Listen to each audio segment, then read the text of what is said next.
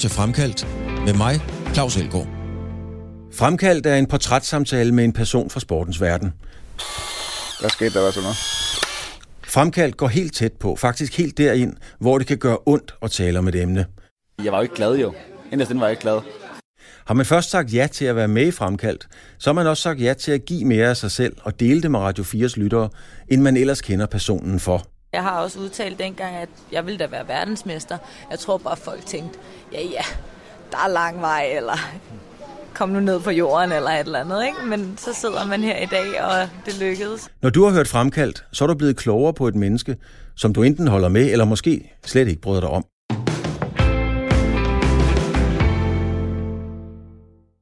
Brian Mathiasen er bedst kendt som en succesfuld boksetræner og kommentator på tv. Brian Mathiasen har trænet en lang række af de bedste danske professionelle bokser i de seneste år. Men den godmodige kæmpe fra Aarhus gemmer også på en dyster barndom. Hans familie var i opløsning, moren døde af druk, og dagligdagen var voldelig. På de gode dage lå Brian Mathiasen på sengen og så fjernsyn med sin mor, det var guddommeligt. Men de fleste dage hentede han hende på værtshus eller på gaden, søllet til i alkohol. I dag arbejder Brian Mathiasen blandt andet med børn i Afrika. Han finansierer et børnehjem i Kenya. Brian Mathiasens historie er voldsom, og du kan høre den lige nu her i Fremkaldt. Du lytter til Radio 4. Brian, prøv at fortælle om, øh, og det er en lang historie i sig selv, men øh, prøv at fortælle om din, øh, din opvækst, om hvordan det var at være barn for dig, fordi at, øh, det ved jeg jo, det var sgu ikke sjovt. Nej, det var ikke øh, alle dage, der var lige gode. Jeg havde en rigtig god start på, på, min, øh, på mit liv i de første 12 år. Der tror jeg mig og min søster, vi var, vi var en kernefamilie sammen med min mor og far. Men øh, pludselig i 77, da jeg var 12 år, der døde min morfar. Og så øh, knækkede filmen simpelthen. Det var ham, der holdt sammen på hele vores familie. Øh, hvis min mor og far ikke lige var hjemme til tiden, så var det ham, der kom i en taxa og, og lukkede os ind og sådan og skældte min mor ud. Men da han døde, der, der var ligesom, at det var hele vores, alle sammen beskytter, min morfar. Og så brast familien simpelthen sammen. Min mor, hun startede med at drikke, og mine forældre blev skilt, og ja, og de fandt sammen, og de slåsede, og der var druk konstant. Og så et, det mest sørgelige, det var så, at min mor, hun tog min søster med på værtshus, eller hun afviste hende ikke i hvert fald. Mm. Og øh, min søster var alkoholiker, som 16-17 år, tror jeg. Og øh, ja, og så fik hun børn også, som der så var min store fortrydelse. Dengang, at øh, hun fortalte mig, at hun var blevet gravid og sådan nogle ting, så det var, det var jeg ikke glad for. Så så havde jeg to mere, jeg skulle passe på, da hun fik de to børn også. Og din morfar, det var også din, øh, det var din bedste ven? Ja, det var det. Det, øh, jeg lå og en hel uge, dengang han døde. Mm. Så øh, det var min bedste ven, der blev pillet fra os der. Mm. Det, det vil sige, du stod jo i en, i en meget ung alder øh, med et ansvar på en eller anden måde for en familie. Og et alt for stort ansvar at lægge på en lille dreng, kan man jo i virkeligheden sige. Men du har formentlig påtaget dig det. Øh, hvordan var det? Ja, men det det er ikke, nu du siger det selv, ja, så er det jo faktisk det, man gør, når man går ind og prøver på at holde, holde sammen på familien. Mm. Jeg kunne jo godt bare have...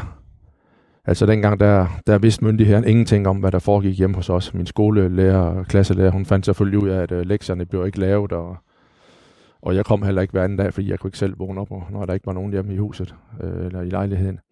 Så ja, jeg gik jo op og ufrivilligt og passede på familien, og blev ringet op kl. 12 om til midnat, hvor man ligger og sover derhjemme alene, og man så kommer hen, ens mor, hun ligger udenfor og, og, og bløder, fordi hun er faldet igennem en rude på vej et eller andet andet sted hen. Så det var, det var, det var en pistral tid at have sgu mange traumer og sådan nogle ting over mm. med hensyn til døren, og, og den blev bare stændt nogle gange midt om natten, og mm. det tager lidt tid om at komme over det. Altså, det er om ikke en kendt sag, men, men min søster Puk og jeg øh, er jo selv vokset op i druk, og har to forældre, der er døde af druk. Mm. Så, så et eller andet sted, Brian, øh, nu er det din historie, men jeg kan jo godt genkende det. Jeg var ude og hente min far på, på forskellige værtshuse, da jeg var en 5-6 år gammel, blev vækket om natten og skulle ud og hente ham. Øh, jeg kan godt huske, hvordan jeg havde det. Det er lige meget nu. Hvordan havde du det, når du skulle ud og sådan helt bogstaveligt samle din mor op? Jamen, det var da frygteligt flot. Altså, jeg, jeg husker i den grad, hver fredag fik jeg 50 kroner i uløn, mm. og som der så skulle bruges til et, uh, et Bruce Lee-magasin, eller et eller andet, hvad man nu brugte pengene til dengang, ikke i, i den periode. Uh, og der måtte jeg så støvsuge hele Frederiksberg her i Aarhus for værtshus for at finde hende. Uh, og nogle gange lykkedes det, nogle gange lykkedes det ikke, og jeg kunne få min 50'er. Jeg var frygtelig flov over at komme ind i et værtshus og, at se en døddrukken mor og skulle have en 50'er. Det endte jo så selvfølgelig med, at jeg måtte bruge dem på, på rugbrød og pålæg, så jeg havde til weekenden over. Hvad, hvad gjorde det ved dig, Brian, når du stod inde på værtshuset, og din mor sad og var døddrukken, og du skulle have hende med ud med hjem? Altså, hvad gjorde, hvad, hvad gjorde det? Hvad skete der i dig? Ja, men jeg kunne ikke få hende med hjem, jo. Der, jeg kom de her fredage for at få mine 50 kroner, jo. Og, øh, og få hende hjem, det var, jeg, jeg blev super glad, når hun havde en enkelt dag derhjemme, når hun var så dødssyg af hendes druk, mm. at hun var tvunget til at blive hjemme en halv dag eller en hel dag, og vi kunne ligge og, inde i mit værelse og se Elvis Presley-film på Super 8. Øh, det var fantastisk, og jeg tror, jeg har set Blue Hawaii øh, 13 gange sammen med hende, og det har måske været de 13 gange, hun har været hjemme. Er det er det, det, er det, er det, det, du helst vil huske fra din barndom? Er det, når, I lå, når du lå og så Blue Hawaii? Det var da i hvert fald hyggeligt, for det var det eneste tidspunkt, jeg, jeg vidste, at hun var ædru, og jeg vidste, at hun var, var hjemme hos mig, men lige så snart, at eftermiddagen var ved at være slut, så trak det for mig, og så var hun afsted igen, og så sminke i hovedet, og så på værtshus igen. Mm. Og så vidste man ikke, hvornår de næste par, 2, 3, 4, 5, 6 måneder, måske et år, ja. hvor jeg så hende ja. igen på den måde, hvor hun var ædru. Ja, ja. Jeg kan se allerede, så, så, mange år efter, gør det stadigvæk alvorligt indtryk på dig. Ja, det gør det da, men, men det er ikke noget, jeg sådan er... Det hjælper ikke noget, man er ikke den type, der græder over spildt mælk, men øh, det har da også lært mig en masse ting. Mm. Men øh, ja, og min søster, som jeg siger, er alkoholiker, har to fantastiske øh, børn. De er voksne mm. nu på 33 og 35 år, ja. som jeg har haft et utroligt nært forhold til, nærmest som, som det om, at det er mig, der er forældre til dem. Ikke? Dem har jeg passet på lige siden, og hentet dem uden for værtshusene, når de stod i klapvognen udenfor, og jeg måtte stands bilen og tage dem med hjem og sådan nogle ting. Så. Hvordan, hvordan, Brian, hvordan forsøgte du at skal vi sige, holde fred i, øh, i det lille hjem? Altså, hvad, hvad, hvad gjorde du for ligesom at, ja, der ikke blev smadret flasker simpelthen? Jamen, jeg stod jo op midt om natten, og døren den blev bræst ind. Det var ikke altid, man havde nøgle med. så øh, nogle gange så blev døren nærmest sparket ind i den. Mm. Og øh, hvis det var på et tidspunkt, min far han også øh, var hjemme og var fuld, så kom jeg ikke i seng, før de lå og sov i hvert fald, fordi der skulle jeg stå og skilte med for askebær og flasker, der røg rundt i lokalet. Ja, ja. Fik du nogen på ørerne selv? Nej, det gjorde jeg ikke. Nej. Jeg har aldrig nogensinde blevet slået. Min far, han, han lurede lidt en gang, hvor det gik, det var meget voldeligt med ham og min mor, og jeg tror, hun kyldte et askebær i fjeset af ham, eller sådan noget, hvor han rejste op og løftede armen. Ja. Så rendte jeg igennem, og så skubbede jeg ham, så han landede over i fjernsynet. Ja. Der fik han et chok, den stod en 14-årig dreng der, ja. og skubbede ham over i, i fjernsynet, så det væltede. Der lurede han lidt. Og lige siden, der har der, der aldrig sket noget. Der, jeg har aldrig nogensinde øh, blevet slået af min mor og far. Aldrig. Nej, så den dimension med, med vold i hjemmet, det har, det har jeg aldrig haft i, i, i min fordrukne opvækst. Øh, men jeg har heller aldrig blevet slået i øvrigt af, af, af min mor og far. Aldrig nogensinde. Ingen gang et, et klap bag. så, så, det er aldrig. så det med volden er en ekstra dimension. Hvordan, Brian, hvordan fandt du overhovedet energi til at kunne, øh, til at kunne gå i skole? Altså til at kunne fungere, til at være en dreng? Jamen, det, det var heller ikke godt. Altså, som sagt, jeg var pisse flov over det, og jeg, jeg blev også sendt ud af skolen. Altså, det kunne ikke nytte noget. Jeg kom ikke om morgenen, så inden 6. klasse startede, der, var, der var jeg smuttet fra folkeskolen. Det var de fem år, jeg fik i skole, i folkeskole. Og det var frygteligt, fordi jeg gik også i Langedags ungdomsklub og sådan nogle ting, ikke? og der var jeg jo den helt normale dreng. Mm-hmm. Da, og der var nogen derovre også, der spurgte, om jeg skulle med ud og lave indbrud bagefter, i, da jeg kom op i ungdomsklubben. Og der sagde nej, nej, jeg skal sætte mig hjem, jeg skal hjem og sove op i morgen. Jeg skulle ikke kende skid. Jeg var ikke engang sikker, at jeg havde nøglen, så jeg kom ind. Og jeg kom hjem. Nogle gange så sov jeg, det var før, der blev låst af, der kunne jeg sove i cykelkælderen. Ja. Var det vinter, så kunne jeg stå op af varmerummet. Der var en gevaldig varme ude fra det rum af. Øh, så øh, det var flot, og andre gange øh, spiste jeg hos nogle kammerater. Jo, det vil jeg da gerne blive at spise. Mm. Fordi at, øh, og så kl. 22 tog jeg så hjem. Jeg var lige så godt have blevet der, fordi at jeg havde jo ikke nogen at hjem til. Men der var ingen af mine kammerater, der var to-tre stykker af mine kammerater, der vidste det. Og øh, have myndighederne fundet ud af det, så var jeg også blevet fjernet for lang tid siden. Ja. Øh, hvis det havde været i dag, så tror jeg ikke, man kunne have levet sådan der, uden der var overvågning på. Men øh, det, det var sådan, som jeg levede indtil, indtil jeg fik min egen lejlighed som 18, 18 år, jeg tror jeg, bitte lejlighed, jeg fik. Ja. Det var dejligt at komme væk hjemmefra.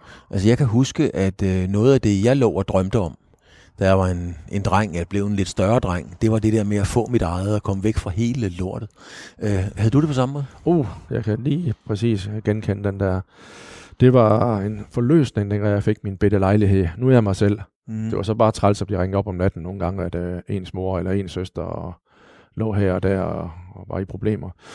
Men ellers så var det dejligt fredeligt Og øh, da min mor hun døde faktisk, det, det er forfærdeligt at sige det, men jeg kan godt sige det. Det var øh, en lettelse, da hun døde. Mm. Så var der en mindre.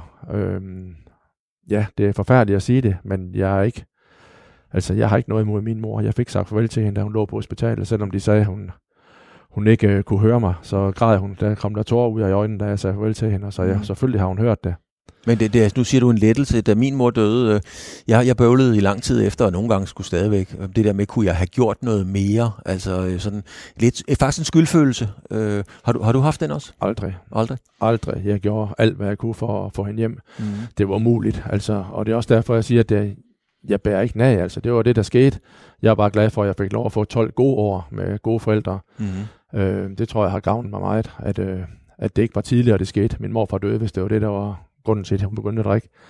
Men øh, det, er, det er noget skidt, det der alkohol. Altså, om det man bliver besat af det, og bliver alkoholiker, så tror jeg altså, jeg kan sagtens sætte og sige, så stop der med at drikke. Mm. Jeg har ikke drukket alkohol i, i over 28 år nu, og har aldrig været afhængig af noget som helst. Øh, Så det er nemt for os at sige jo. Men jeg tror virkelig, jeg har set mange af dem, det, det er satme svært at komme ud af, altså som alkoholiker, narkoman. Det, der skal altså noget specielt stof til i deres krop, for at de kan sige nej tak til det. Altså min- for min mors vedkommende, min søster, det var den klike, de gik i. Det var, det var de versus, øh, som man kan kalde bumser, eller men den slags folk på Ja. kontanthjælp, der hentede hver måned, øh, hentede deres kontanthjælp og gjorde betale halvdelen i, i øh, værtshusregninger, Ja. og så sugede de på lappen resten af måneden. Det var det klientel, som, som de færdes i. Og det, de havde det sjovt. Der var fest og ballade, og så blev man syg dagen efter, så skulle man reparere det, og så kørte det bare ud af. Tror, tror du, Brian, tror du rent faktisk, de havde det sjovt? Jeg ved det ikke.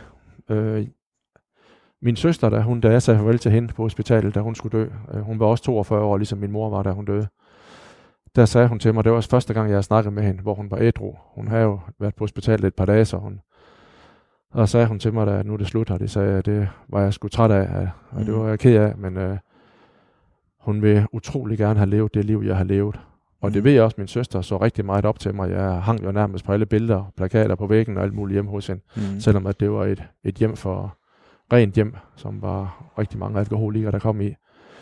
Så det ville hun gerne, men hun kunne ikke komme ud af det. Der var ikke noget at gøre. Der, der, var, der var ikke noget at gøre. Det er så meget en forandring i livet. Venner, smid alle dine, i går så en gode venner ud, Mm. øh, og finde helt nyt klientel. Det, det er meget svært. Prøv en gang, uh, Brian, lige at komme herover, fordi jeg skal vise dig et videoklip. Uh, vi skal lige passe på ledningerne, vi, Mm. vi ikke smadrer det hele. Uh, og det er jo fordi, at du har en stor svaghed for Elvis Presley, ved jeg, og det skal vi snakke om også. Uh, Mama Like the Roses. Uh, inden at jeg lige starter den, så fortæl mig lige om en tatovering, du har på din underarm. Der står nemlig også Mama Like the Roses. Ja, det er rigtigt, og det er faktisk en vild historie. Mm. Altså, jeg har fortalt den mange gange i Afrika, og de øh, holder ind til siden, hvis de kører bil, når de hører den. øh, jeg har tatoveret der tre roser. Dengang min, min mor var skidt kørende, hun var død faktisk, og så levede de hende op, men alt var ødelagt inde i hende. Og der kan jeg huske, at øh, jeg kan huske meget tydeligt lige situationen der. Øh, jeg blev ringet op, jeg spillede fodbold på mit elskede fodboldhold øh, Aarhus 1900 på Langenæs, og øh, holdlægeren kaldte på mig, der var telefon. Det var fra hospitalet, da de ringede og spurgte, om øh, mig og min far og min søster kunne komme op til jer på hospitalet, fordi de ville spørge om lov om at få lov til at slukke for respiratoren, fordi der var ikke noget at hente. Hun Mhm. var en grøntsag.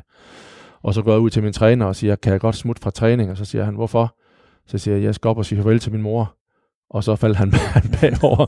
øh, han synes, det var lidt makabert, men det var altså situationen. Og, øh, og da de så, vi sagde det, ja, det måtte de godt, så gik jeg til, øh, i Frederiks og købte øh, med en blomsterhandler i kælderen de dyreste tre roser, jeg kunne, jeg kunne finde. De kostede 75 kroner stykket. Og øh, store røde roser, altså store, høje, næsten 80 cm høje, og de var jo øh, stiv som et kosteskaft, ikke? og helt øh, friske, og de var endda i en øh, vandbeholder også, hun puttede på også. Mm. Og jeg gik så op, og så skulle de så slukke for min mors respirator, og så siger jeg så til en rutineret over 50-60-årig sygeplejerske, om hun vil gøre mig en tjeneste og pakke dem ud. Når I slukker for den, så læg den på, på, på dynen, og så sige til min mor, øh, Helle, som hun er, at øh, de her tre roser, det er fra Brian og Linda og Paul. Mm. Ej, hvor er det der sødt, siger hun så. Og så gjorde hun så det, og så gik der så et kvarter 20 minutter, så kom hun ud, og så gik hun hen til mig, og så hun, som hun har set et spøgelse, Mm. så siger hun, puha, jeg har været med i mange år, siger hun så, men det har jeg ikke oplevet. Så sagde han, og hvad så? Din mor sagde tak for roserne. Så sagde jeg, sagde, tak. Ja, altså, hun snakkede ikke, siger hun så. Men det viste sig så, at hun fortalte så, at øh, hun lagde de her tre flotte roser og sagde, det er fra Brian og Linda og Paul, og så slukkede de for respiratoren, og hun gispede lige lidt, og så var hun død. Mm. Og da hun så tog blomsterne igen, for de skal jo lige ligge hende ordentligt og ligge dynen pænt, så var de blomsterne døde. Okay. Og øhm, de, hun viste mig det med et viskestykke, hun havde rundt om livet. Mm-hmm. Og så tog hun viskestykket og holdt det op, og så faldt viskestykket ned som slap, som det jo er selvfølgelig. Mm. Så sagde hun, sådan så roserne ud. Så sagde hun, huha nej, der er noget mellem himmel og jord. siger hun. Så sagde jeg, ja, selvfølgelig er der det, siger jeg så. Hvad har du ellers regnet med? Yeah. Og det er sådan set uh, forklaringen på, at der står Mama Like the Roses, som jo er et Elvis Presley-nummer. Ja, lad os lige prøve at høre, lad os lige prøve at lytte lidt til det her, Brian. Den er her, Mama Like the Roses. Når, når du... Øhm, nu er der et billede af en, et sort-hvid billede af en mor og en ung mand. Ja, det er Elvis og hans mor, Sweet Gladys. Sweet Gladys, lige præcis, ikke? Og, og det er så fra, fra et lidt andet, skal vi sige, hjem, end uh, det, du voksede op i, kan man roligt sige. Ja, det er Graceland, der hvad, bliver vist lige nu. Hvad ja. tænker du egentlig, Brian, når du tænker tilbage på din mor i dag? Nu er der så et billede af en stor smuk rød rose lige midt Ja. i det hele. Ja. Øh, jeg tænker ikke på min mor ret meget. Altså, det gør jeg ikke. Det må jeg indrømme. Jeg har heller aldrig nogensinde sådan rigtig sørget over det. Det har jeg ikke. Nej. Hun var min mor, og det, øh, jeg fik sagt farvel. Og jeg, jeg sagde til hende, da hun lå der, hvor de sagde, at hun kan ikke høre noget. Men øh, man ved aldrig, siger de. Jeg sagde til hende, du har fandme været en lort. Du har ikke passet mig, siger jeg så. Jeg har ikke været gammel nok til at passe mig selv. Og så giver jeg hende en knus og græder, og da jeg så rejser mig op, så løber tårerne ud af hendes øjne, som jo var lukket ellers. Mm. Så det er jeg sikker på, hun har hørt. Men øh, fortalte han også, at jeg elskede hende og sådan nogle ting. Så du har ikke nogen, øh, du har ikke nogen øh, bitterhed tilbage i kroppen? Nej, det, altså, jeg, har, jeg har det sådan, jeg kan sgu ikke græde over spildt mælk. Hvis man laver en, en fejltagelse i sit liv, hvis man ikke øh, ønsker at gentage den, så er man klog nok til det, ikke? Hvis man øh, laver den samme fejl hele tiden. Jeg har ikke lavet nogen fejl, men jeg kan heller ikke græde over, at, at hun gjorde, som hun gjorde. Nej. Jeg synes, hun kunne godt lige have ladet være med at gøre det bare lige fem år mere, så jeg var lidt mere voksen. Og her synger Elvis videre. Nu lukker vi lidt for, øh, for ham. Jeg er selv stor Elvis-fan i øvrigt, det skal så lige øh, siges. Øhm, TV2 lavede øhm, øh, to portrætudsendelser af Puk, min søster og jeg. Ja. Og der var vi blandt andet nede at blive øh, hjernescannet i, øh, i, øh, i Belgien. Og det var i forbindelse med noget spil og nogle forskellige ting. Og der så man forskellige billeder ind i den her scanner. Og det, jeg reagerede stærkest på, det var faktisk et billede af et, øh, et, et hvidvinsglas mod, et, mod nogle læber, altså nogle kvindelæber, fordi der var læbestift på. Mm. Det reagerede jeg helt vildt på, og så kunne jeg lige pludselig mærke lugten, den der lugt af cigaretrøg, puder, hvidvin og min mor. Mm. Og det var inde i en scanner, og det reagerede jeg sindssygt på, på en rigtig, rigtig dårlig måde simpelthen. Mm. Er der nogle ting, du reagerer på, Brian, i forbindelse med, eller har du bare fortrængt det, eller har du bare glemt det, eller hvad fanden er der sket? Ja, jeg tror, jeg har jo gået til psykolog og sådan nogle ting også sidenhen, hvor jeg havde det knap så sjovt i mit liv. Og øh, der har jeg også øh, stillet spørgsmål sammen ved nogle ting. Faktisk så vi har ringet til min søster, selvom hun godt nok har været død i 8-9 år nu. Mm. Så, øh, så har jeg ringet til hende for lige at få, kan det godt passe, at jeg husker, eller husker jeg forkert, at sådan og sådan. Og det siger psykologen, det skal du slet ikke gøre. Begynder at få fat i, fordi det er ting, du simpelthen din krop har fortrængt. Det har været så barske oplevelser. Så det, må, det lader jeg bare ligge. Men øh, nej, der er ikke noget, jeg sådan lige... Jo, hvis jeg kommer ind på det, jamen det, det, det er jo så sjældent, det sker. Hvis man på et eller andet tidspunkt kommer ind på en bodega, så vil jeg nok lige få sådan en flashback og tænke, Hå, det ja. kan jeg godt huske, når jeg skulle ud og hente mine 50 kroner hver fredag. Ja. Men øh, det, det, ja, jeg kommer ikke de steder. Det er tusind år siden, jeg har været på, på, på et værtshus. Ja. Nu sidder vi, øh, vi sidder nede i dit, øh, i dit øh, hvad kalder vi det, Brian? Dit gym, dit bokse hjem. Det er her, du har øh, kunder, elever, hvad kalder du dem? Medlemmer. Medlemmer. Ja. Øh, du er jo også professionel boksetræner i høj grad, og det er jo derfra, de fleste mennesker trods alt kender dig. Det her, det er jo et macho-miljø. Der hænger en lang række snorlige øh, sandsække, og så er der jo det ene billede efter det andet af professionelle topbokser, som du har trænet øh, i tidens løb. Jeg har selv haft fornøjelsen af at kommentere, om ikke dem alle sammen, så næsten dem alle sammen. Mm. Og du har nogle ganske få billeder, af- der er noget Muhammad Ali og, og så videre. Men ellers er det dine, det er noget, du har haft andel i, der hænger herinde i, i, i et gym, der er åbent ud til... øh, Der, der er sådan meget rocky over det. Der er den store port, man kan næsten sige, at jeg der kunne i gamle dage køre en lastbil op der, så kunne den blive læsset af med det samme. Det er et råt sted. Hvorfor er det så vigtigt for dig, at det er dine ting, der hænger herinde? Det, øh, jamen, jeg kan næsten sige det på det mest rammende er nok, at jeg kan sige, at jeg er stolt over, hvad, Mm-hmm. hvad mig og min bokser, vi har fået ud af det. Øhm, Jeg har, ikke, jeg har ikke hængt nogen som helst ting op, som jeg, jeg er knap så stolt over. Alle de ting, som hænger her, som du kan se, er mine egne billeder, Ja. eller billeder, jeg har købt mig til i, fra en avis. Der er blandt andet det billede med Reda Samsam derovre, hvor han står hen over en mand, som ligger ned, og Ja. ja. fantastisk attitude han har. Det har jeg købt over Stiftstidende dengang, det var på forsiden. Okay, ja. Fordi at jeg måtte simpelthen have det billede. Alle andre, det er amatørfotografer, som har taget dem til mig, eller jeg selv har fået nogen til at tage. Og det er, det er for at vise, hvem jeg er, og hvad jeg har Mm. stået for i boksning. Du kan se, der hænger næsten 10 billeder der, han også med de forskellige, øh, de forskellige øh, øh, kommentatorer, som jeg har kommenteret sammen med, Ja, ja. øh, studieværter. Og jeg har også et billede af dig, som også skal op og hænge her. Det har vi også kommenteret nogle gange sammen. Ja, det har vi da i hvert fald. Så, øh, så det, det er sådan min historie. Og når folk kommer herud, der kender mig i forvejen, Ja, siger, hold da op, Brian. Det er dit, det herude. ja. Det kan vi godt se. Jeg sætter mit præg, som jeg, som jeg ønsker selv at, at have, det skal se ud. Og øh, det vil man også se, når man kommer hjem i mit hus, hvad det er, der er, at det er bare Brian, mit hus, Mm. ikke? Og, øh, og lige sådan mit hus i Afrika også, ikke? Det er også bare mig, der er... Men er det fordi, Brian, at øh, der hvor jeg nu residerer, jeg har rigtig mange billeder af, ja, jeg er selv med på dem ved siden af sportsstjerner og, og forskellige ting og sager, og nogen synes det er jo, jeg kan jo se det i øjnene på dem, de synes det er vildt egoistisk.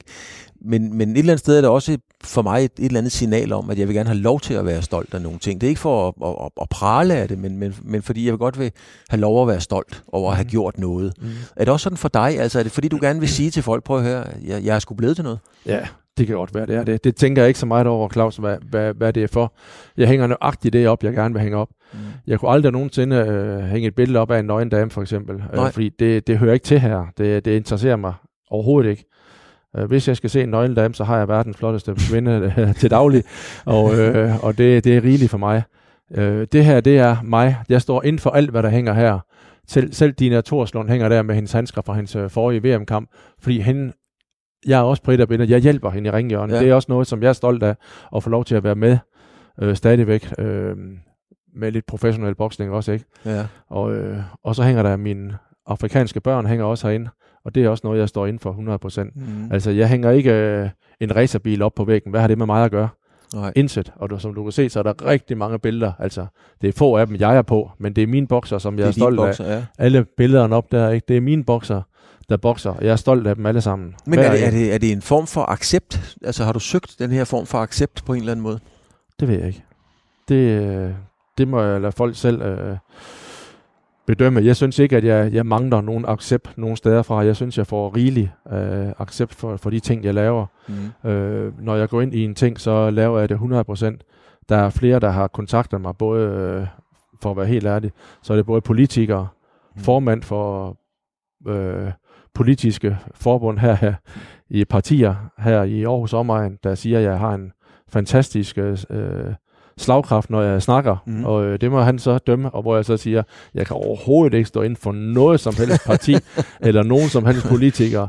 Nogen har noget godt, og så har de så desværre næsten alle sammen noget dårligt. Ja. Så det er Så- ikke den vej, det er ikke den sti, du skal ned ad i livet? Nej, det er det ikke. Altså, jeg gør det, som gør mig glad, og det er det, er det som jeg har bestræbt mig på i mange, mange år siden, at jeg blev voksen faktisk, hvor jeg tænkte, at Mm. jeg har alle muligheder for at følge efter min familie og køre den vej. Men nej, jeg vil, jeg vil have noget ud af mit liv. Jeg vil gerne leve, leve lykkeligt og ædrueligt, ikke mindst. Mm. Mm. Øh, holde mig væk fra alle de, de dårlige ting. Og jeg er blevet meget stærkere i min voksen øh, liv, øh, i forhold til da jeg var teenager. Der havde jeg svært ved at sige, sige nej til mange ting. Men det har jeg lært mig fra, at øh, jeg har haft det dårligt. Jeg har haft depression og alt muligt også øh, i mit voksenliv. Mm. Og øh, når man har været nede og slikke gulvet, så øh, bliver man også så klog, at man, man helst ikke vil dernede igen. Så man gør det, som gør en selv glad. Og, og, og det gør det for blandt andet, at jeg gør andre mennesker, mennesker glade. Det er også noget, der betyder rigtig meget for mig. Ja, du har, øh, du har jo din, øh, dine medlemmer herude, og der er helt sikkert øh, booket op, og der er ventetid på holden og så videre. Jeg ved jo stadigvæk, der er mange professionelle bokser, der ringer til dig for at få ro i sjælen i forhold til at bare høre din stemme, tror jeg, og ligesom vide, du er der et eller andet sted derude i forhold til, når de skal ringe. Dina Torslund er stensikker på også en gang mellem kontakter dig. Mm. Øh, men, men hvordan er den, hvordan er den der nu har vi jo talt om din barndom, og du har været en såret dreng, det er der ikke nogen tvivl om, og det er du stadigvæk, øh, på samme måde som jeg, som jeg er. Men, men, men og hernede skal du, er det jo en macho-verden. Altså der kommer professionelle fodboldspillere tidligere, der kommer sportsfolk, racerkører, der kommer de alle sammen. Og du skal jo stå frem hernede, du skal have energien, drivet, det er dig, der skal, der skal iscenesætte det hele og være unge på, fordi ellers gider man ikke komme. Mm. Det forventer man af dig. Hvordan er det sammen med det andet? Altså det, det, det må da være vanskeligere at navigere i. Mm, jeg, jeg ved ikke. Jeg, jeg har en... Jeg har heldigvis en, en, en, en egenskab, som jeg på en eller anden måde, folk har prøvet at forklare mig det, men det er noget med, at jeg er god til at samle folk, mm. og god til at lave en god stemning. Herude, der har vi lige nu 210 medlemmer, og faktisk vil jeg lægge lidt låg på, for ikke at få flere medlemmer lige nu, ja. fordi at holdene er fyldte. Og øh, alle sammen er bare fantastiske mennesker, der kommer her. og det gør de jo, fordi at det er et fantastisk sted at være. Der har meget få gange, hvor har der været nogle, øh, nogle forkerte typer, som ikke passer hertil. De er her ikke engang mere end en gang. Nej. Fordi de siger, det der, det, det er ikke noget for mig. Men jeg tænker på din optræden, din person. Altså på den ene side, at have det her macho, øh, det er jo det udtryk, det er jo ligesom... Øh, øh, hvad skal man sige, stereotypen, det er narrativet om Brian Mathiasen. Han er en macho-mand, der, der, der er professionel boksetræner. Mm. Det er det, du er hernede.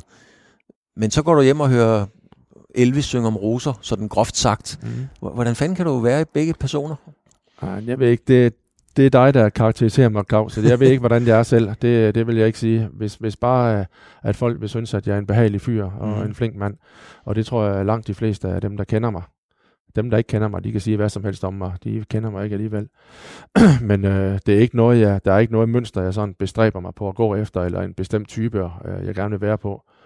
Øh, det, der er vigtigt for mig, det er, at de folk, der holder af mig, de, de er der. Og øh, at min kæreste, hun elsker mig lige så meget, som jeg elsker mm. hende. Mm. Øh, det, det er de ting for mig, der er vigtigste. Og, og, og Jeanette og Ronny, som er min, min søsters voksne børn. Og mine bedste venner. Jeg har øh, måske 10-20 meget, meget fine venner, og så har jeg en masse, som jeg også holder af, men ikke er så tæt på. Mm. Og det, det er det, der betyder noget for mig, det er, at vi kan alle sammen bidrage med et eller andet, øh, og kan hjælpe hinanden på et eller andet måde, så vi alle sammen får det bedst mulige ud af vores liv. Men, men kan du godt, øh, fordi det kan, det kan jeg da godt sige, at det, det har jeg i hvert fald bøvlet med indtil for nogle år siden. Det der med at komme sig, knytte sig til nogen emotionelt, altså øh, på grund af, at vi har haft langt hen ad vejen den samme opvækst. Kan du godt øh, stifte tætte venskaber osv.? Ah, den var under bæltestedet, den der. Ja.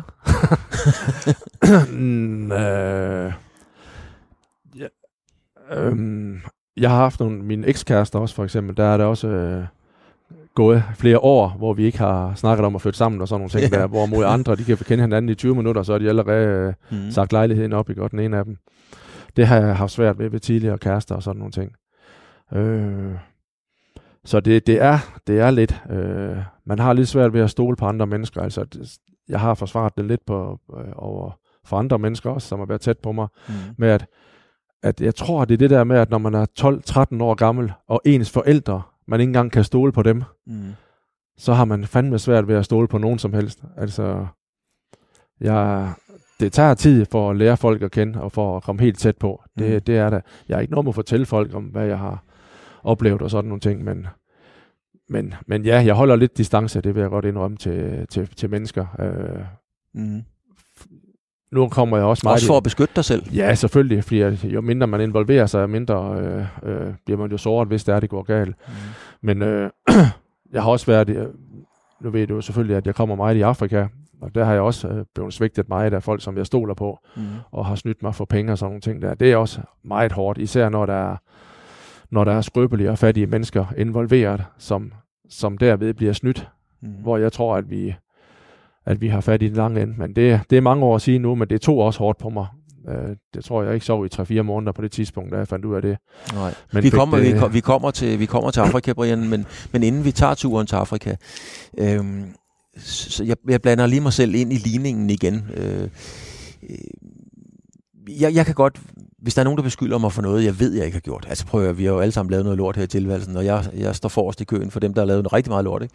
Øh, men hvis der er nogen, der beskylder mig for noget, jeg ikke har gjort, og det kan være en banal ting, som har taget den sidste vingummi, eller drukket nogen. Har du drukket min kaffe, og jeg ved det ikke af mig, så kan jeg faktisk ret godt blive, øh, så kan jeg godt blive rigtig vred. Mm-hmm. Altså rigtig, rigtig vred. Mm-hmm. Øh, har du det på samme måde? Ja, det kan jeg godt øh, ikke genkende det til. Jeg går meget op i, i retfærdighed, Mm-hmm. det må jeg sige. Og øh, jeg vil satme ikke have skyld for at have, have væltet den kop der, hvis ikke det er mig, der har væltet den. Nej. Så, så ryger jeg altså op. Og, og skal være sikker på, at den person har bekræftet, at det ikke er mig, der har væltet den kop. Det, det har jeg. Øh, der skal være retfærdighed til. Og i øvrigt, apropos tatoveringer, så har jeg også øh, Justice for All Justice for skrevet all. på den bokser her, ikke? Ja. Og det, øh, ja, det, det, kan, det går jeg meget ind for. Jeg vil godt have, at, at folk bliver, også det her med at behandle folk, som man selv ønsker at blive behandlet, ikke? Og, Men hvorfor øh, tror du, det er sådan, Brian? Fordi nu sidder vi her, og det er vi kønt par, men vi sidder her øh, øh, med tatoveret overarm, og, og, og, og, og jeg, siger, ikke, jeg siger ikke, vi sidder og piver, men, men vi har da været vendt vrangen ud, og du har da især. Men hvorfor tror du, det er sådan? Jeg har tit tænkt på det. Hvorfor er det sådan, at man kan blive ked af det, vred, pigesur, hvis der er nogen, der siger, at du har taget den sidste vingummi? Altså, jeg har aldrig rigtig forstået det. Det er ikke på grund af vingummien, det er på grund af, at, at man skal at man vil ikke beskylde for noget, som man ikke har gjort. Jo. Altså, man, der, der skal være retfærdighed til, og det, øh, det, det går jeg meget ind for. Mm. Rigtig meget. Jeg, øh, jeg bliver tosset, hvis folk ikke bliver behandlet ordentligt, og, og hvis ikke at, øh, at man opfører sig eksemplarisk. Dem er der alt for mange af dem, der, Mm. der kan finde ud af at gå den anden vej. Men, men hvordan har du så kunne agere i, øh, i den professionelle bokseverden, som jeg har haft fornøjelsen af at kommentere, men jo slet ikke kender på den måde, du kender? Fordi der er del med mange banditter i habiter. Der er også nogle gode drenge og piger, bestemt, men der er del med mange banditter, hvor at aftaler jo ikke bliver holdt, og hvor man bare bruger de bokser, som du kæmper for. Øh, hvordan, har du været, hvordan har det været for dig at være der? Jamen, det kunne vi jo skrive, det kan vi skrive en hel bog om, jo, Claus, hvad der er unøde, unøder, især inden for professionel boksning, øh, som jeg kender mest til frem for amatørboksningen. Øh, der er jo mange brødende kar, og det er jo... Øh, øh, der er mange rundt omkring i verden, der er promotorer, og agenter og manager. De kommer fra underverdenen af, ikke? Og, Mm. og får pludselig øh, øjner chancen for at få for at få en profil inden for professionel boksning. Og øh, dem, dem skal man skulle holde sig fra. Altså nu har vi været... Nu er vi jo heldige herhjemme, at vi har meget lidt boksning efterhånden, men vi har jo været, du og jeg er i den generation, der har set så meget fed boksning. Det er rigtigt. Øh, og der er vi selvfølgelig nødt til at, at, at nævne Mogens Palle. Bestemt. Vi er også i, på TV2, da du øh, kommenterede vores kampe, det var på, hos Anders Vester. Der var der en 4-5 år også, ikke? Ja. Altså, vi, vi har haft nogle øh, promotorer herhjemme. Nu er der nye, der har prøvet at dukke op og sådan nogle ting. Men vi må tage hatten af for Mogens Palle, hvad han har fodret os med af lækkerier øh, herhjemme. Og jeg kan bestemt ikke øh, øh, dømme Mogens Palle til at være en af de her øh, brødende kar. Det, Nej. er, det er helt sikkert. Men det er jo heller ikke, Brian, sådan specielt Mogens, jeg tænker på. Det er sådan bare, skal vi sige, hele, hele fortællingen om den professionelle verden, hvor at, at mange er sig selv nærmest. Mm. Øh, og, og du vil gerne have, at det går retfærdigt til, Mm. og det gør det langt fra altid i den professionelle verden. Så hvordan, hvordan, hvordan har du haft det med at være en del af det? Ja, jeg, jeg må nok sige, at der, der er, er jeg alligevel, som, har jeg alligevel noget vindermentalitet. Når jeg træner mine bokser, så må jeg indrømme, det gør mig frygtelig ondt at sige det, fordi det lyder u- ulækkert. Jeg vil næsten gøre alt for, at mine bokser skal vinde Mm. mm. kampen. Selvfølgelig. Så der er ikke noget med at øh, passe på. Og, altså det, det må jeg sige, at, at se sin bokser, når man træner to-tre måneder op til en kamp, løber om morgenen, træner hårdt om eftermiddagen, og er igennem så mange, altså for mig, en boksetræner, det er jo ikke bare en, der, ligesom mine motionister her, ikke? De, de kommer på holdene, vi træner en time, og så går de hjem igen. Det er jo ikke den samme tilknytning, man får. De professionelle bokser, som jeg har haft, og jeg kan nævne alle, jeg kan sige alle sammen af de der små 20 stykker, jeg har trænet igennem de sidste 22 år. Jeg er kommet tæt på alle sammen. Ja. Øh, og, øh, og, og, og flere af dem, en del af dem, endda helt ind til deres familie, og, og, og ageret både pædagog, øh, Ja, helt- psykolog, Hele vejen igennem. træner, ekstra far for dem. Så det er et kæmpe arbejde. Når man så kommer til det sted, hvor det gælder om, at, om kampen skal vindes eller tabes, der må jeg indrømme, der, der kommer det sportslige vindermentalitet i, og så kan jeg næsten være ligeglad med, hvordan, hvad der sker med modstanderen, bare vi vinder kampen, ikke? Øh, men, men, men jeg kunne aldrig være en, en, en del af det her, som der er inden for alle sportsgrene, tror jeg, med det her korruption og sådan nogle ting der. Der, der går min, Der går grænsen. der går, øh, der sælger jeg ikke mig selv for sådan nogle ting der. Det skal foregå ordentligt. Øh, hvis der nogensinde var en af mine bokser, der kommer bare dopet eller et eller andet, så røg han ud med det samme. Det kan Ja. jeg slet ikke acceptere. Du skal lige se et klip mere her, fordi at, uh, inden vi lige runder boksningen af, så har vi jo uh, ham her. Mm. Evander Holyfield. Uh, han må betyde noget for dig, fordi at, uh, han er også Du har en tatovering med ham, ikke? Jo, det har jeg. Jeg har to tatoveringer Ja. øh, på min hver sit lår. Den ene, det er The Real Deal, Evander The Real. Deal. Hvad er det ved, ved, ved, så Muhammad Ali på den anden side, ja. ja, men hvad er det ved, ved de to? Altså, ikke sådan som bokser, men, men hvad er det ved deres personlighed, deres karakter, som øh, tiltaler dig? Jamen, øh, Holyfield har jeg altid øh, været fascineret af. Det er, altså når man går fra den ene vægtklasse til den anden vægtklasse, og bare banker dem alle sammen, der er større end en selv, og aldrig nogensinde har Dr. Fight, altså øh, undgået de hårde kampe. Han har, han har mødt alt, hvad der var, og han er sindssyg fighter. Jeg har aldrig set, altså det er nok ham, som jeg mener, der har det største hjert Ja. inden for boksesporten. Altså her nu kommer der et klip her, øh, en af de episke kampe, jeg tror, ja, det er selvfølgelig Mike Tyson-kampen, ikke? Ja. Øhm, men er det det, at han øh, ikke har gået den nemme vej, der tiltaler dig? Ja, det er det. Og, og, og har mødt de allerbedste. Altså, det er ikke i en, i en periode, hvor, hvor, øh, hvor sværvægtstitlen øh, titlen, den, den var billig. Nej. Det har været øh, hele vejen. Alle de store mestre har han mødt. Alle på det tidspunkt fra den ære der fra 80'erne og 90'erne. Mm. Han har endda mødt vores egen champion herhjemme også, Brian Nielsen jo. Bestemt. øh, ja, ja det, det kunne vi også snakke om, hvad du synes om sådan en kamp. Og nu skal Tyson til at møde Roy Jones. Shannon Briggs har også lige meldt sig ind i, i, i kampen i øvrigt. Men lad os nu se, hvad det ender med. Men det er en helt anden snak, Brian. Men, men øh, det, de har fisket efter, det var... Øh, men det er det der med, at han, han har... Han har ikke dukket sig, Evander Holyfield. Du har, du har respekt for mennesker, som går altså Ja. den hårde vej. Mm. Ja, det har jeg. Og han er, nu har jeg truffet ham også i forbindelse med Brian Nielsen-kampen. Jeg spiste morgenmad med ham på hotellet. Ja. øh, på Fight Night. Og øh, han er... Jamen, det er lige før, at jeg blev forelsket i ham. altså, hans personlighed, øh, den er unik, og det vidste jeg også. Det var også det, jeg havde forventet af ham, at han var den type, som helt ja. nede på jorden og hilste pænt på folk og var, var villig til at snakke med, med mig også, selvom han ikke vidste, hvem jeg var. Mm. Han var øh, en, en, en, en rigtig mand. En god, Skulle en så god lige siges, at øh, min understregning er min, øh, at Holyfield popularitet, så har jeg jo en lille hund på 3 kilo. Ja, nemlig. Yorkshire Terrier, som her Holyfield også, og det griner folk jo meget af. den lille hund, han hedder det. Men øh, det gør han altså, og det, øh, der kunne ikke være andre navn til ham, dengang øh, jeg fik ham. Nej, altså jeg har også haft fornøjelsen af at møde øh, nogle af dem der. Jeg også kvaret mig nogle gange, hvor jeg ikke vidste, hvem det var. Øh, Ray Boom Boom Mancini sad og drak kaffe med i Las Vegas. Og så spurgte jeg ham på et tidspunkt, om han også kendte noget til boksning. Så gav han mig en cigar, der stod Ray Boom Boom Mancini på. Så føler man sig bare spadedum, ikke? Jo, jo, men det, Men det var rent det faktisk, med. det var det, Det der med, skete. ja. Og i, hvad hedder han? Øh, øh, ja, det kan, vi, det kan vi snakke om en anden gang, men ja, vi har haft fornøjelsen af at møde mange af dem. Men så har du jo en anden side også, som, øh, som hedder Afrika. Mm. Og hvad er det, øh, Brian? Prøv ganske kort at fortælle, fordi jeg ved, du kan holde et meget nærværende og relevant foredrag i flere timer om Afrika. Hvad er det, du laver i Afrika? Øh, der giver jeg, og får jeg al den kærlighed, jeg kan spørge efter. Mm. Det korte og lange, det er jo, øh, at jeg har bygget et børnehjem dernede Ja. i 2010. Mm-hmm. hvor vi åbnede op i april måned 2011 og fik de første tre dejlige guldklumper. Tre piger, søskende piger. Og øh, jeg var solgt, og jeg var forelsket med det samme i Bahati og Faith og Nduki. Mm. Og, øh, og så fik vi så flere til, så i løbet af et års tid, så kom vi så op på, på de 10 børn, som vi har nu. Og altså det, det vi skal have, dem vi skal have, de 10 børn, som er mine børn. Jeg har øh, skrevet under på, at jeg er far til dem. Det står på deres dåsattest nu. Og, øh, og så har vi en, en mamma Patricia dernede, som bor hos dem, som er deres mor. Mm. Og øhm, ja, og det er bare mine 10 guldklumper, som jeg elsker overalt på jorden. Hvad, hvad giver det dig? Hvorfor gør du det? Fordi du kunne også have lavet så meget andet, kan man sige. Ikke? Men nu har du valgt at gøre det der. Ja, men det kan man jo så sige, at øh, når folk spørger mig, hvorfor det ikke er i Europa, så kan jeg, så kan jeg godt vise dem min bankbog, hvis det er, så fortælle dem, hvorfor det ikke er her. Ja.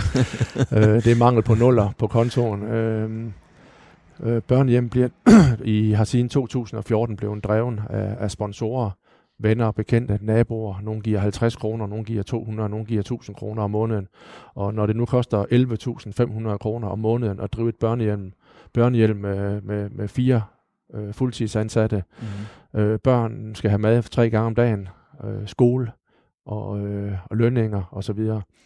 så så ved man også, at det kan lade sig gøre Ja. når man har fået den, øh, den donation fra de folk, som, som, som nu bedriver børnehjemmet. Altså, i starten der var det jo mig selv, der byggede det, og med uh, hjælp af et par små sponsorer, men uh, jeg, jeg, blev, uh, jeg blev så besat af det, at jeg skulle bygge. Jeg blev snydt en gang dernede, da jeg støttede et børnehjem. Mm. Fandt ud af, at det var børn, uh, man samlede sammen til, når jeg kom, og så, for, så lod man som, at det var nogen, der boede på det hjem, som jeg så byggede et træhus til. Okay. Men der fandt jeg ud af, at ja, det projekt, det skulle jeg gøre noget ved, så da jeg kom væk fra det, og så tænkte jeg, at jeg skal bygge mit eget. Ja. Og der hævde jeg så min pensionsopsparing dengang på 150.000, tror jeg det var. Ja. Og så, øh, så havde jeg en børneopsparing også. Så øh, alt, hvad jeg havde og, og har til fremtiden, det, det står dernede. Det står i Afrika? ja, det byggede jeg huset for der, for de sidste, øh, det sidste penge, vi manglede. Men gør du det, Brian? Altså, der er jo ingen tvivl om, at det er en stor hjælp for de børn, du hjælper dernede. Altså, det er jo hævet over enhver tvivl. Men gør du det også for din egen skyld? Det ved jeg ikke noget om. Det tænker, det tænker jeg ikke over. Hvorfor? Og hvad der er på min egen. Jeg husker engang, jeg havde en kammerat med dernede, han sagde til mig, det var i 2013, der er det to år gammel, så siger han til mig, Brian, stopper du aldrig op og klapper dig selv på skulderen og siger, Ja. prøv at se, hvor meget jeg har udrettet. Så, nej, det gør jeg sgu ikke. Det har jeg sgu aldrig nogensinde gjort, sagde jeg så. Øh, det, det giver jeg mig ikke plads til. Det gør jeg ikke. Selvom der er nogen, der siger, det burde du gøre, når jeg har venner med dernede. Jeg laver sådan en fælles tur hver påsken, hver april måned, som blev aflyst i år jo på grund af coronaen, hvor vi er en 20-30 mennesker, der tager afsted på safari og sådan en Mhm. all-inclusive tur. Og øh, der har jeg venner, øh, der er med også hver gang, og de ser nærmest og græder, når de ser mig og børnene sammen. Det er ikke sådan nogle ting, jeg tænker så meget på. Lige nu der græder jeg indvendigt, fordi at jeg ikke kan få lov til at se dem fysisk. Ja, det er Klart. klart. Det jeg kun må, kan snakke med dem over telefonen. Men det er da mærkeligt, eller ikke mærkeligt, men jeg stusser bare over det, Brian, det der med, at, at du ikke giver dig selv lov til at juble over det og være stolt. Altså virkelig sådan, fordi jeg er stensikker på, når du coacher folk, træner folk, så, så siger du der helt sikkert også nogle gange til dem, vis nu, du er glad, vis du har gjort noget, mm. knyt hænderne, sig yes, Ja. fuck, man vil, Ja. fedt. Altså, vil du godt ikke selv? Ja, nej, jeg, jeg er faktisk glad for, at du siger det, fordi at, øh, det kunne godt være, at jeg skulle, jeg skulle stoppe op en gang imellem, og så... Øh, men altså, jeg, jeg nyder det jo. Altså, jeg, hver gang vi... Det lykkes mig at skaffe en, en større donation og sådan, så bliver jeg jo glad, men Mm. ikke på min vegne, på deres vegne, ikke? Fordi så ved jeg, så kan vi klare os lidt endnu. Ja. Og, øh, og så nyder jeg det bare, når jeg er dernede. Så er jeg sammen med børnene hver dag. Jeg har et uh, lille klip her fra TV2 Østjylland, hvor at, uh, det kan man gå ind og finde på YouTube. Det hedder øh, TV2 UJ i Mombasa med Brian Mathiasen. Øhm, og der er jo den, øh, den smukkeste sang.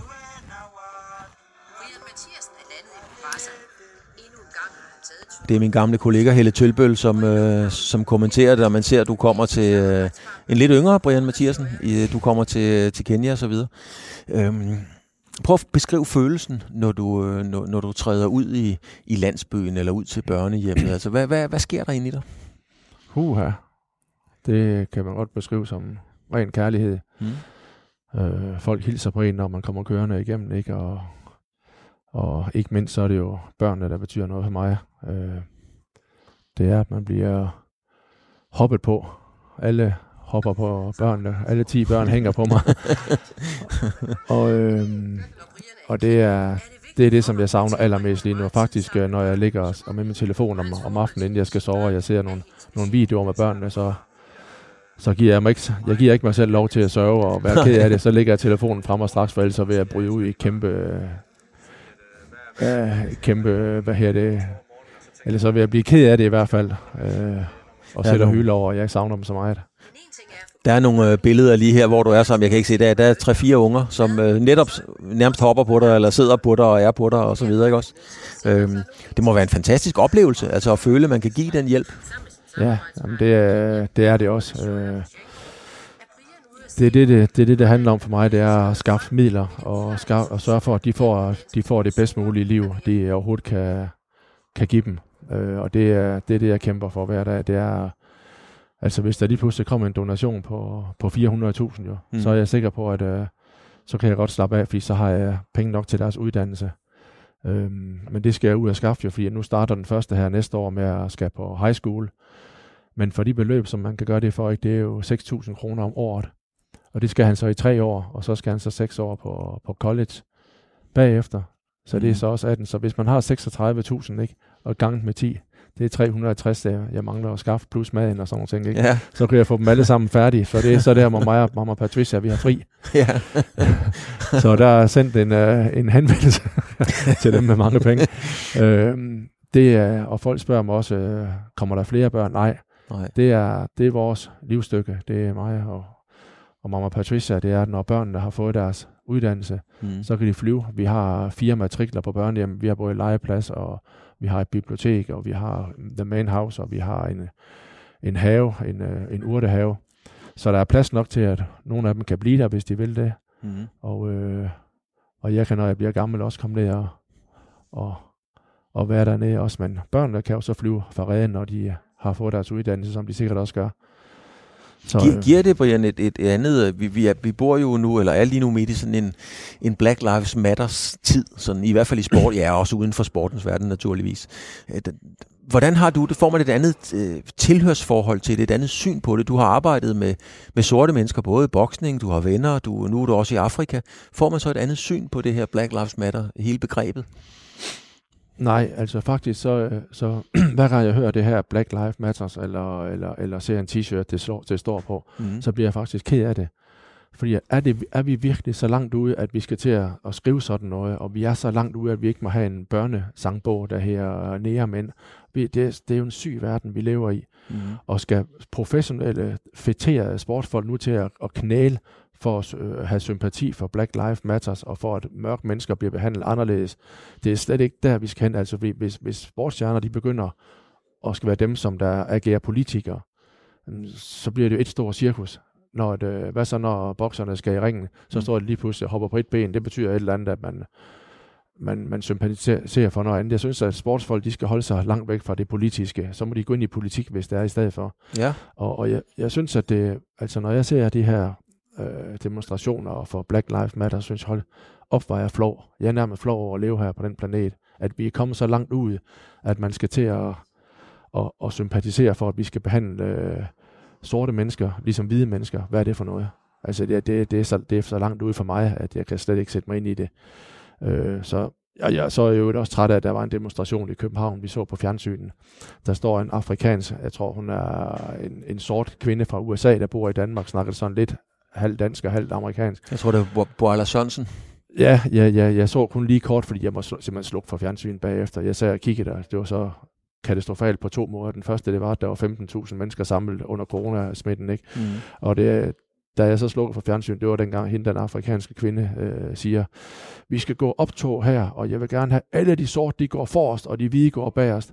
Det var, det var for mig satire for mig. Det, øh, hun skulle være stand-up komiker. Altså det er jo det er en demonstration for, for ligestilling, Mm. og for at man ikke øh, fav, øh, favoritiserer de hvide frem for de sorte. Og så står hun kraftigt og siger, at de mørke foran, og de lyse bagved. der må jeg slukke det. Der røg jeg sgu cigaren, det må jeg sige. Ja, Men det er jo, det er jo, en, øh, det er jo en voldsom udmelding, øh, Brian, for dig, som, som jo som sagt har dit øh, liv i Afrika, meget af dit liv i Afrika. Mm. Du har arbejdet med sorte bokser, du har, du har sorte venner og så videre.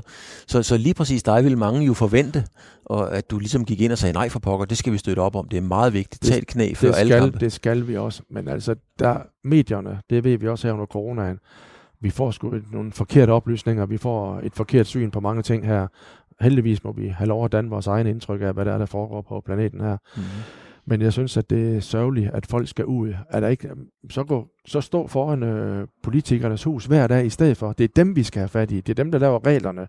Og i USA, der må de jo sætte noget mere retsforfølgelse ind for, for at få de her, fordi du, nu så vi også den anden dag, der tror det var i Tyskland, der var en betjent, der stod og trampede oven på hovedet af en, mm. en hvid. Øh, de havde arresteret. Hvorfor skal man sætte en fod oven på hovedet af ham, og et knæ ned i... Ja, det er jo de folk, man skal have fat i, Mm. igennem politik, politikerne. Ja. Det der med at gå og brænde hus af og alt muligt, altså det er jo bare vold, avler vold, ikke? Og øh, det, det, det er ikke lige min stil, det der, det er sgu ikke. Men, men når du har sådan nogle markante holdninger, vi startede faktisk med at konstatere, at politik, det var ikke den vej, du ville gå ned af. Mm. Men, men du har jo nogle markante holdninger, og du har helt sikkert også mange, der kunne finde på at stemme på dig. Det er også derfor, du er blevet kontaktet af forskellige politiske partier. Hvor, hvorfor egentlig ikke altså, gå ind og så gøre sig gældende der? Jeg kan sige det på en sjov måde, og meget, meget alvorligt også. Mm. Ja, jeg kan ikke debattere på det niveau der, det kan jeg sgu ikke. Det, så langt ned kommer jeg sgu ikke. Øh, jeg synes, at det er en farse at se politikere, når de snakker på fjernsynen. Jeg ville så gerne have en, jeg kunne stemme på, som man kunne sådan lidt se op til. Mm. Ej, det går galt hver gang. Så dummer de sig på en anden måde, og så stjæler de af kassen, eller også så får de en, en spiritusbøde, eller... Ej, jeg synes, det er til grin. Jeg synes... Også fordi, at jeg vil gerne... Jeg er sådan, har sådan noget perfektionistisk i mig. Jeg vil gerne have, hvis der er nogen... Altså, hvis folk kommer og skal træne boksning her, det jeg fortæller og underviser i boksning, det er det bedste. Mm. Det kan du ikke få bedre andre steder. Sådan, det tilstræber jeg i hvert fald, at blive det bedste version, den bedste version af mig selv. Og jeg synes, hvis man står som politiker, du kan kraftedeme ikke stå og lyve.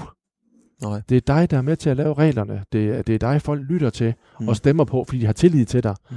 Og så giver du dem sådan et spark i røven bagefter, ved at du er stokfyldt med løgn. Det er jo pinligt. Altså, det, det politik, det er altså en ting er i Afrika med politikere, det er korruption og sådan nogle ting. Jeg tror ikke, korruption er så, så galt herhjemme. Øh, men kan det mindste sige sandheden. Ja. Altså, og så ser man en, der har øh, Jeppe Kofod, han har øh, været sammen med en 15-årig pige som 32 år for 12 år siden. Mm. Så skal jo en kraft med til at høre på den igen, Ja. fordi der kommer den her sag om sexisme ind. Ej, helt ærligt, hvad, hvad skal vi bruge tid på at høre? Så kunne de da have smidt ham ud dengang. Ja. Nu er vi da videre. Hans liv, det, det er 12, og vi har da alle sammen lavet fejl. Han har ikke engang lavet noget lovligt. Han har gjort noget, som var dårligt, etisk eller moralsk forkert, Mm. som han har grædt over for flere gange.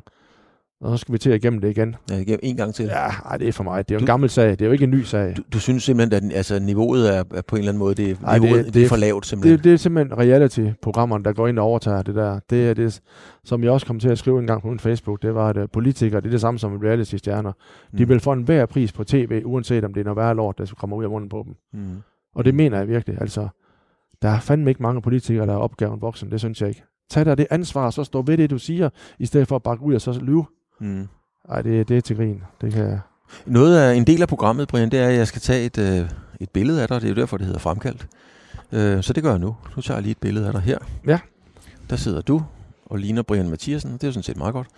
Øhm, og så skal du fortælle mig, fordi nu viser jeg dig billedet her. Du sidder her midt i Mm. dit kongerige, sagt uden sarkasme. Øh, Ja. Noget, du har bygget op. Mm. Hvad er det for en mand, der sidder der? Det er en øh, rigtig glad mand, der elsker sin bokseklub her, elsker sine 210 medlemmer, og elsker min næreste, min nærmeste. Øh, sådan ser jeg ud, når jeg, jeg har det rigtig godt. Øh, Mm. Elsker min kæreste, elsker mine venner tæt på, elsker mine nevøer, min næse, og så savner jeg for pokker herfra til månen mine børn nede i Afrika Ja. og alle mine andre projekter dernede, også alle bokserne dernede, som jeg har jo 10 bokseklubber i Mombasa, som jeg støtter med bokseudstyr mm. også, og, og lige nu der har jeg en container, som lander her i starten af næste uge, med 42 flyttekasser fyldt med tøj og bokseudstyr, masser af hummeltøj, som jeg får sponsoreret af Hummel dernede til. Så hvis bare jeg snart kunne komme ned og få gen nogle mennesker, som bliver glade for det tøj, og så se mine børn, så får du et billede, hvor smilet er endnu større end det der. Øhm, nu sidder du her. Hvor gammel er du egentlig blevet, Brian? 55 år. 55. Øh, da du øh, forsøgte at holde fred i hjemmet som en lille knægt, og, og, og, og lagde dig i sengen mellem din mor og far, så det i hvert fald ikke slogs så lang tid. Hvad drømte du om, og hvor, hvor drømte du så, du sad i dag, hvis du tænker tilbage? Altså, hvad drømte du dengang om at skulle være i dag? Det kan jeg faktisk ikke svare dig på, Claus. Det eneste, jeg drømte om, eller ikke drømte, jeg har aldrig sådan haft de store drømme, men jeg har haft nogle ønsker. Mm. Og det store ønske, det var, at jeg skal holde mig væk fra kriminalitet og druk. Det har lykkedes mig rigtig, rigtig godt. Mm. Jeg har, det er 28, et halvt år siden, jeg har smagt alkohol. Jeg har aldrig set dig drikke noget som helst, det skal jeg så indrømme. Nej, det var kaffe, det har Ja, kaffe. her. øh, så det kommer, jeg kommer aldrig til at drikke alkohol. Det, det gør jeg ikke. Øhm, det kan så holde sig at sige, at det er kedeligt, men det er den tilgang, jeg har til alkohol, det er roden til alt ondt. Men er du der i livet nu, hvor du øh, faktisk de siger, okay, det, her, det er her, jeg gerne vil være? Det har jeg. Jeg kan ikke øh, spørge efter mere. Jeg har alt det her. Jeg, jeg kan forlange. Det eneste, jeg ønsker så meget i den grad, jeg næsten beder for, det er at leve så lang tid som muligt i, med et godt helbred. Mm. Øh, det er ikke sjovt at være, at være syg, i hvert fald. Det, det er det eneste, jeg, jeg kan ikke spørge efter mere. Jeg Jamen, nej, det, min gamle far, han sagde altid til mig, Claus, du skal altid huske, det lyder arrogant, men det er bedre at være rig og rask end syg og fattig. Og det, det er jo Ja. kynisk sagt, men Ja. et eller andet sted er det jo, ja. er det jo rigtigt I nok. hvert ikke? fald at være rask, Ja, så i hvert fald at være kommer rask. pengene i anden række. Ja. Så, Men apropos pengene, fordi nu har du en et meget succesfuld gym her, der er fyldt op, og du skal begrænse medlemmerne. Mange andre, jeg vil næsten sige 90 procent af andre i samme situation, havde jo allerede tænkt på at åbne en i Horsens og Randers og Fredericia, og nu laver vi en kæde og så videre. Mm. Det er ikke dig, eller? Nej, det, er- og det kan ikke blive mig, fordi jeg kan ikke være ved alle steder. Og det der med at åbne op i, i min ånd, og jeg ikke selv er der, Mm. det dur ikke. Jeg plejer altid, når vi holder julefrokost her for i klubben, som vi så, og sommerfest, som vi så lige har droppet, så plejer jeg at holde en tale, og så roser jeg mine medlemmer altid og siger, at der er mange fitnessklubber og, og fitnesscentre, og måske også bokseklubber, der prøver på at, at kopiere mit sted her, og øhm, laver det med guld på væggene, og flotte øh, møbler og fedeste maskiner til millioner. De kan betale 10 millioner. De får aldrig den samme atmosfære, som vi har her. Nej. Det kommer med medlemmerne. Uanset hvilken farve du har på gulvet og på væggene, og hvad for nogle plakater du hænger op. Det er medlemmerne her, der skaber atmosfæren. Og du kan allerede se, nu folk begynder så småt at komme ind til det- træning. Ja, for søren. Alle og- snakker sammen, alle kan føle sig velkomne, og Og det er et hjem, hvor der er, øh, ja, der er nogle tusser, og der er nogle jakkesæt, og der er slips, og der er kl- klipklapper. Ja, der er sådan lidt af hvert. Der er professionelle fodboldspillere og racerkører. Der er alt muligt. Ja, øh, det det, er dit, sige. det er dit domæne. Brian, øh, tillykke med det. Øh, det, har været en, øh, det har været en hård kamp. Nu er du her. Øhm, så der er jo ikke nogen grund til at smide, at smide det væk. Nej, det kan du tro, det værner jeg også om det her. De få ting, jeg er glad for her i livet, dem værner jeg også om. det er godt. Tak skal du have. Selv tak.